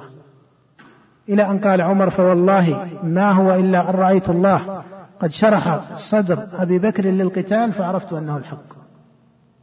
ولهذا عمر رضي الله عنه ولا سيما بعد وفاة النبي وبخاصة بعد وفاة أبي بكر كان رضي الله عنه بانت رحمته. أكثر في الإدراك والقراءة في أحوال تردد فيها لأنه بين يدي رسول الله عليه الصلاة والسلام كان بين يدي الإمام الصادق المصدوق الذي لا ينطق عن الهوى فما يمكن أن عمر يتجاوز في الأمر أو يفعل ما ليس مشروعا. كما قال له النبي في حديث جابر عن بن صياد إن يكنه لما قال عمر يا رسول الله دعني أضرب عنقه. يعني ابن صياد قال النبي إن يكنه فلن تسلط عليه وإلا يكنه فلا خير لك في قتله. لكن فيما بعد لما صار هو إليه يرجع الاجتهاد في خلافته تجدون أنه كان حريصا على الاحتياط في هذا الأمر. لأنه يعرف أن الاجتهاد سينتهي به لكن إذا تكلم عند النبي عليه الصلاة والسلام يعرف أن رسول الله عليه الصلاة والسلام هو الذي يبين له. ولهذا لما وقع الطاعون وقد سار عمر ومعه الأجناد إلى الشام وقد ساروا إلى الشام كما في حديث ابن عباس فبلغه أن الطاعون قد وقع بالشام. فقال لابن عباس ادع لي من كان ها هنا من المهاجرين الأولين. فدعاهم ابن عباس. فاستشارهم عمر. هل يتقدم بالجيش إلى الشام والطاعون قد فشى فيها أو يرجع إلى المدينة؟ قال ابن عباس واختلفوا عليه. فمنهم من قال يا, يا أمير المؤمنين معك بقية الناس وأصحاب رسول الله ولا نرى أن تقدمهم على هذا الوباء. ومنهم من قال يا أمير المؤمنين قد خرجت لأمر ولا نرى أن ترجع عنه. وهذان مناطان معتبران من الشريعة من حيث الاجتهاد. فقال نادي من كان ها هنا من الأنصار. فجمعهم فاستشارهم قال ابن عباس واختلفوا كاختلاف المهاجرين. بعد ذلك قال نادي من كان ها هنا من مسلمة الفتح. فاجتمعوا فاستشارهم. عمر قال ابن عباس فأجمعوا رأيهم. وقالوا يا أمير المؤمنين معك بقية الناس وأصحاب رسول الله ولا نرى أن تقدمهم على هذا الوباء. فلما رأى عمر هذا التوجه في كثرة الاجتهاد بذلك قال لابن عباس ناد إني مصبح على ظهر فأصبحوا عليه. إن أمير المؤمنين مصبح على ظهر فأصبحوا عليه ورجع بالجيش فجاء عبد الرحمن بن عوف فحدثه بالرواية المحفوظة عن النبي عليه الصلاة والسلام في شأن الطاعون. إذا سمعتم به بأرض وأنتم بها إذا سمعتم به بأرض فلا تقدموا عليه وإذا وقع بأرض وأنتم بها فلا يخرجنكم الفرار منه. وهذا جاء عن ابن عن عبد الرحمن بن عوف وأسامة بن زيد كما في الصحيح فكان اجتهاده رضي الله عنه موافقا لما شرع النبي صلى الله عليه وسلم. فعلى كل حال العناية ببناء الملكة العلمية باعتبار تأديب الأحوال والإرادات النفسية بالديانة والأخلاق وباعتبار تنظيم وترتيب المدارك العقلية وباعتبار ترتيب المدارك العقلية. فإن قيل فكيف يكون هذا الترتيب في الأحوال والإرادات المتعلقة بالنفس أو في المدارك العقلية التي يحصل بها الجمع والنظر؟ قيل هذا يكون بجمع مقدمات وهي القسم الثاني في هذا الموضوع في هذا اللقاء. المقدمة الأولى العناية وهذه المقدمات كما ترى تكون تفصيلا لتحقيق بناء الملكة العلمية. المقدمة الأولى العناية بشرط العلم فإن العلم له شرط لا بد من تحقيقه. وكما تعرف في النظر والأصول والتراتيب يجعلون الشرط بين يدي المشروط. أليس كذلك؟ يجعلون الشرط متقدما أي بين يدي المشروط. فلا بد من وجود هذا الشرط والعناية به. وإن كان لا يقصد إلى أن يكون متقدما منفكا بل هو مصاحب للعلم كذلك. والشرط في هذه المقدمة أعني شرط العلم له جهات أربع. الجهة الأولى الشرط العبادي. الجهة الثانية الشرط الأخلاقي في العلم الثالثة الشرط الفقهي الرابع الشرط المنهجي. أما الشرط العبادي فأن يكون العلم خالصا يبتغى به وجه الله سبحانه وتعالى. وهذا معنى لا يصلحه إلا الإنسان مع نفسه بتوفيق الله وتسديده. فهو لا يكتسب من كلام الشيوخ أو فعلهم وإن كان يستفاد من كلامهم. ولكن هو عبادة بين العبد وبين ربه لا يعلم عنها إلا الله. وأهم مقام في شرط العلم هو هذا الشرط الشرط العبادي أن يكون العلم خالصا لوجه الله يقصد به التعبد والتقرب إلى الله سبحانه وتعالى. ومتى ما حقق طالب العلم والعالم هذا الشرط عظم القول في علم الشريعة والفتوى فيها والبحث فيها وحسن النظر في هذا الباب. أختصر كسبا للوقت. الشرط الثاني الشرط الأخلاقي. والعلم له خلق. لا بد منه وإن كان مع الأسف صار الخلق يعد من لطائف الأحوال ومن مكملات الأحوال ولا يعد مقاما مقصودا بالخير والتشريع والحق ليس كذلك. ولهذا وصف الله نبيه وسمى الدين خلقا في قوله سبحانه وإنك لعلى خلق عظيم. المقصود بالخلق هنا الدين الذي كان عليه النبي صلى الله عليه وسلم كما في تفسير بعض أهل العلم. اذا تحقيق الملكة العلمية يكون بجملة من المقدمات. أولها العناية بتحقيق شرط العلم. وقيل إن شرط العلم له جهات أربع. الجهة الأولى الشرط العبادي بتحقيق مقام الإخلاص لله سبحانه والتدين والتقرب لله سبحانه وتعالى بهذا العلم. وعن هذا كان الإمام أحمد وأمثاله يقولون العلم لا يعدله شيء لمن صحت نيته. فإنه فاضل بل ذهب كثير من أهل العلم إلى أنه هو أفضل النوافل بعد الفرائض وهو الاشتغال بعلم الشريعة. الشرط الثاني أو الجهة الثانية في الشرط الشرط الأخلاقي. والمقصود بالأخلاق هنا معناها الشامل. وليس ينبغي أن تختصر الأخلاق في فقه المسلمين عامة وخاصة بجملة من لطوائف النفس والكلمات وبعض تراتيب التعامل فإن هذه مقام من الأخلاق ولكن الأخلاق أوسع من ذلك. ولهذا عائشة رضي الله عنها كما في الصحيح لما سئلت عن خلق النبي كما في سياق طويل قالت كان خلقه القرآن. وقال الله عن نبيه وإنك لعلى خلق عظيم. وقال من قال من المفسرين بأن الخلق هنا المقصود به الدين. فلا بد من فقه لمقام الأخلاق ومن أخص ما ينافيها عن مقام الأخلاق أن يتخذ العلم بغيا. فإذا بغي بعلم الشريعة فإن شرطه قد سقط. الشرط الموجب لكون هذا العلم يهدي إلى الحق ويهدي إلى الصراط المستقيم ويوجب رضا الله سبحانه وتعالى. وسبق الإشارة إلى حال أهل الكتاب الذين قال الله في ذكرهم إن الدين عند الله الإسلام وما اختلف الذين أوتوا الكتاب إلا من بعد ما جاءهم العلم بغيا بينهم. ومعنى الأخلاق أيضا ينتظم تحته جملة من معاني النفس وأحوالها. جملة من معاني النفس وأحوالها وعلى العاقل وطالب العلم بخاصة أن يكون بصيرا بترتيب أحوال نفسه. وما هو من رضا الله سبحانه وتعالى وما ليس كذلك. والله جل وعلا قد جعل لعباده منهجا وسطا كما تعرفون وكذلك جعلناكم أمة وسطا لتكونوا شهداء على الناس.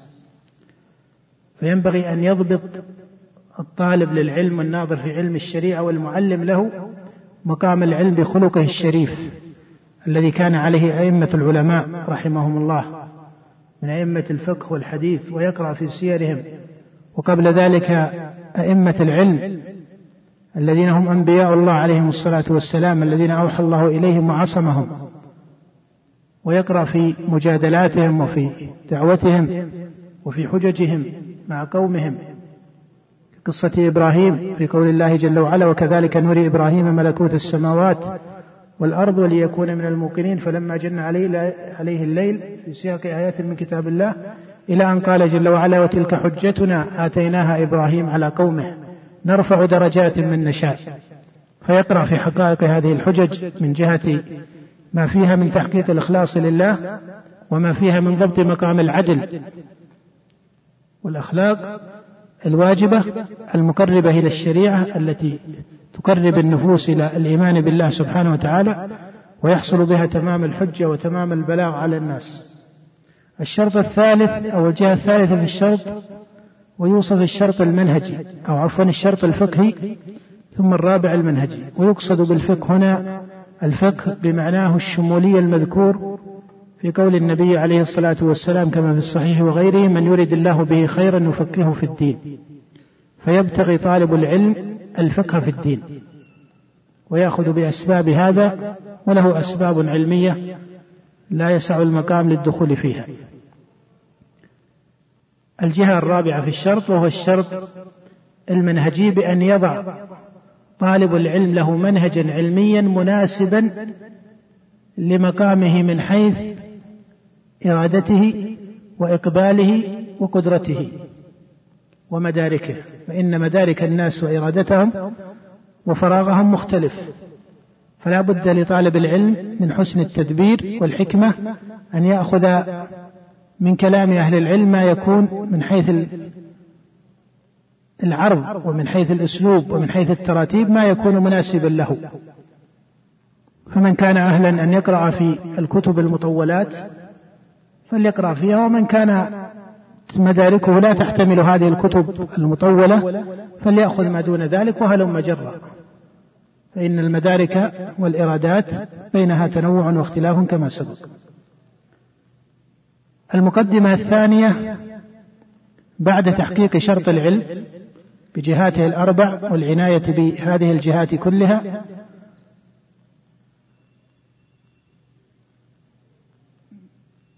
العناية بطبقات العلم فإن العلم كما قال الإمام الشافعي رحمه الله طبقات.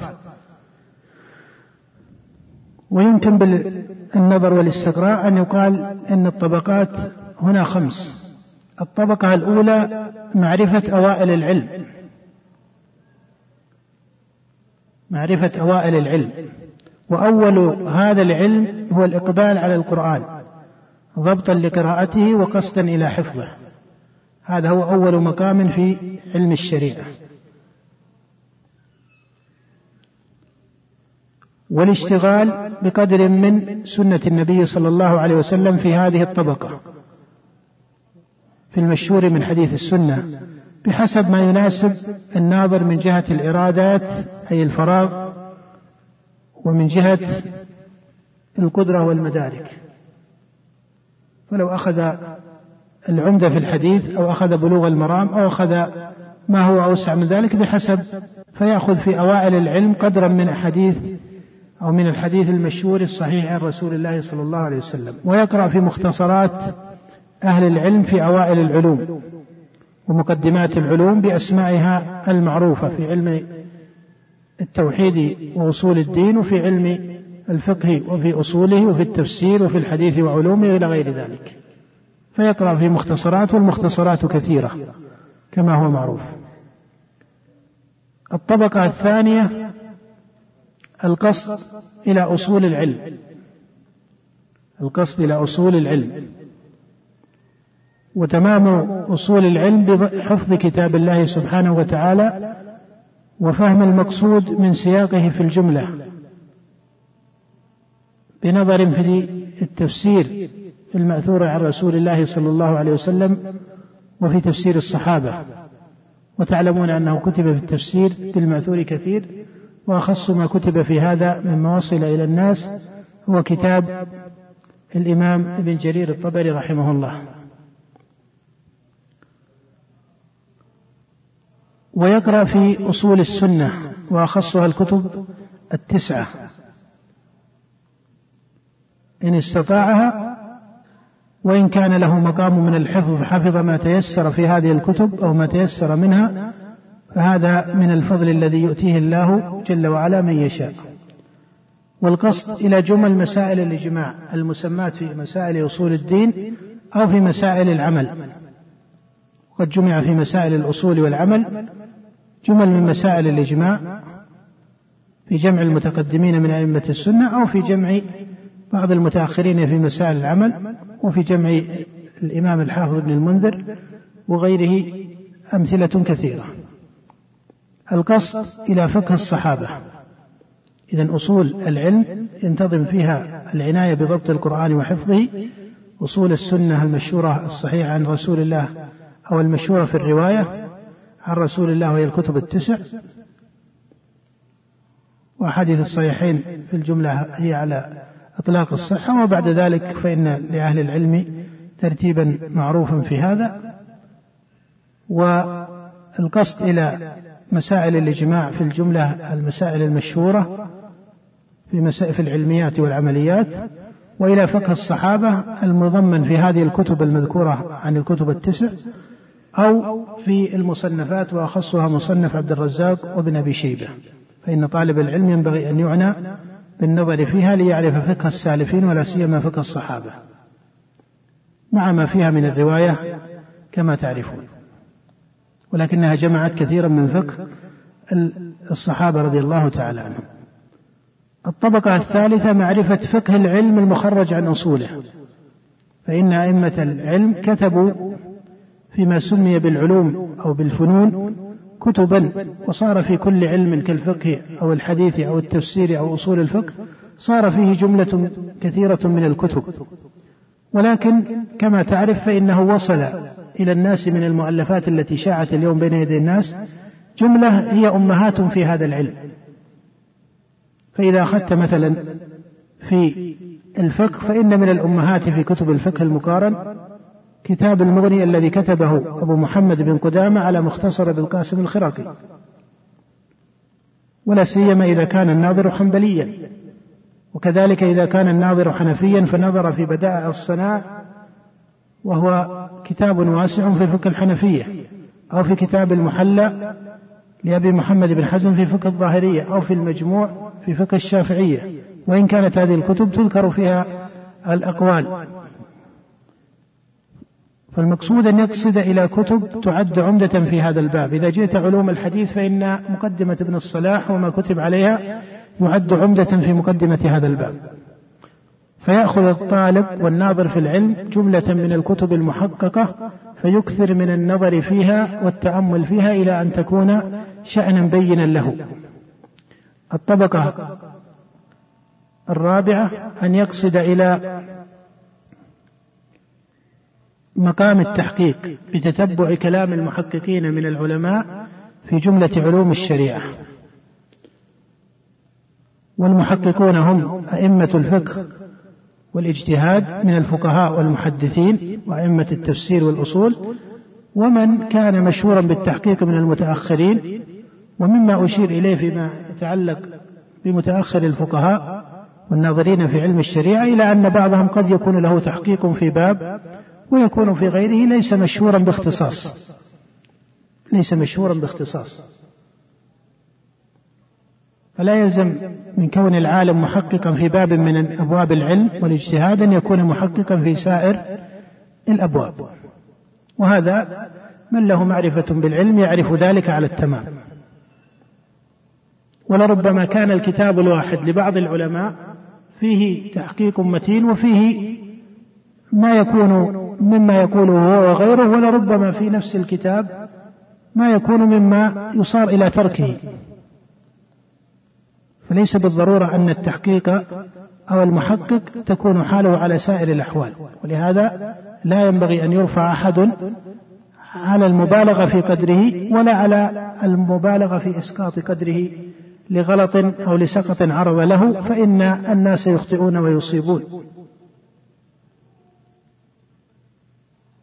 وممن شاع ذكرهم بالتحقيق جملة من العلماء المتأخرين من أصحاب المذاهب الأربعة أي من علماء الحنفية وعلماء الشافعية والمالكية والحنبلية وفي أهل العلم في الجملة خير وما من عالم إلا وعنده نفس حسن من التحقيق. الخامس الطبقة الخامسة أن يقصد طالب العلم والباحث في العلم إلى معرفة طرق الاستدلال والاحتجاج والمحاورة في العلم ليكون له نظر في النازل والمستجد من المسائل بعد أن يتدرب على طرق الأئمة ويقرأ في هذه الكتب التي تعنى بهذا. وأخص عناية بتحقيق حسن الفقه في النوازل ونحوها هو القراءة في القرآن. وقد سبق أن أشرت إلى أن طرق الأنبياء عليهم الصلاة والسلام وقصصهم فيها عبرة وحكمة علمية واسعة بل لا يقع حكمة علمية كحكمتهم عليهم الصلاة والسلام.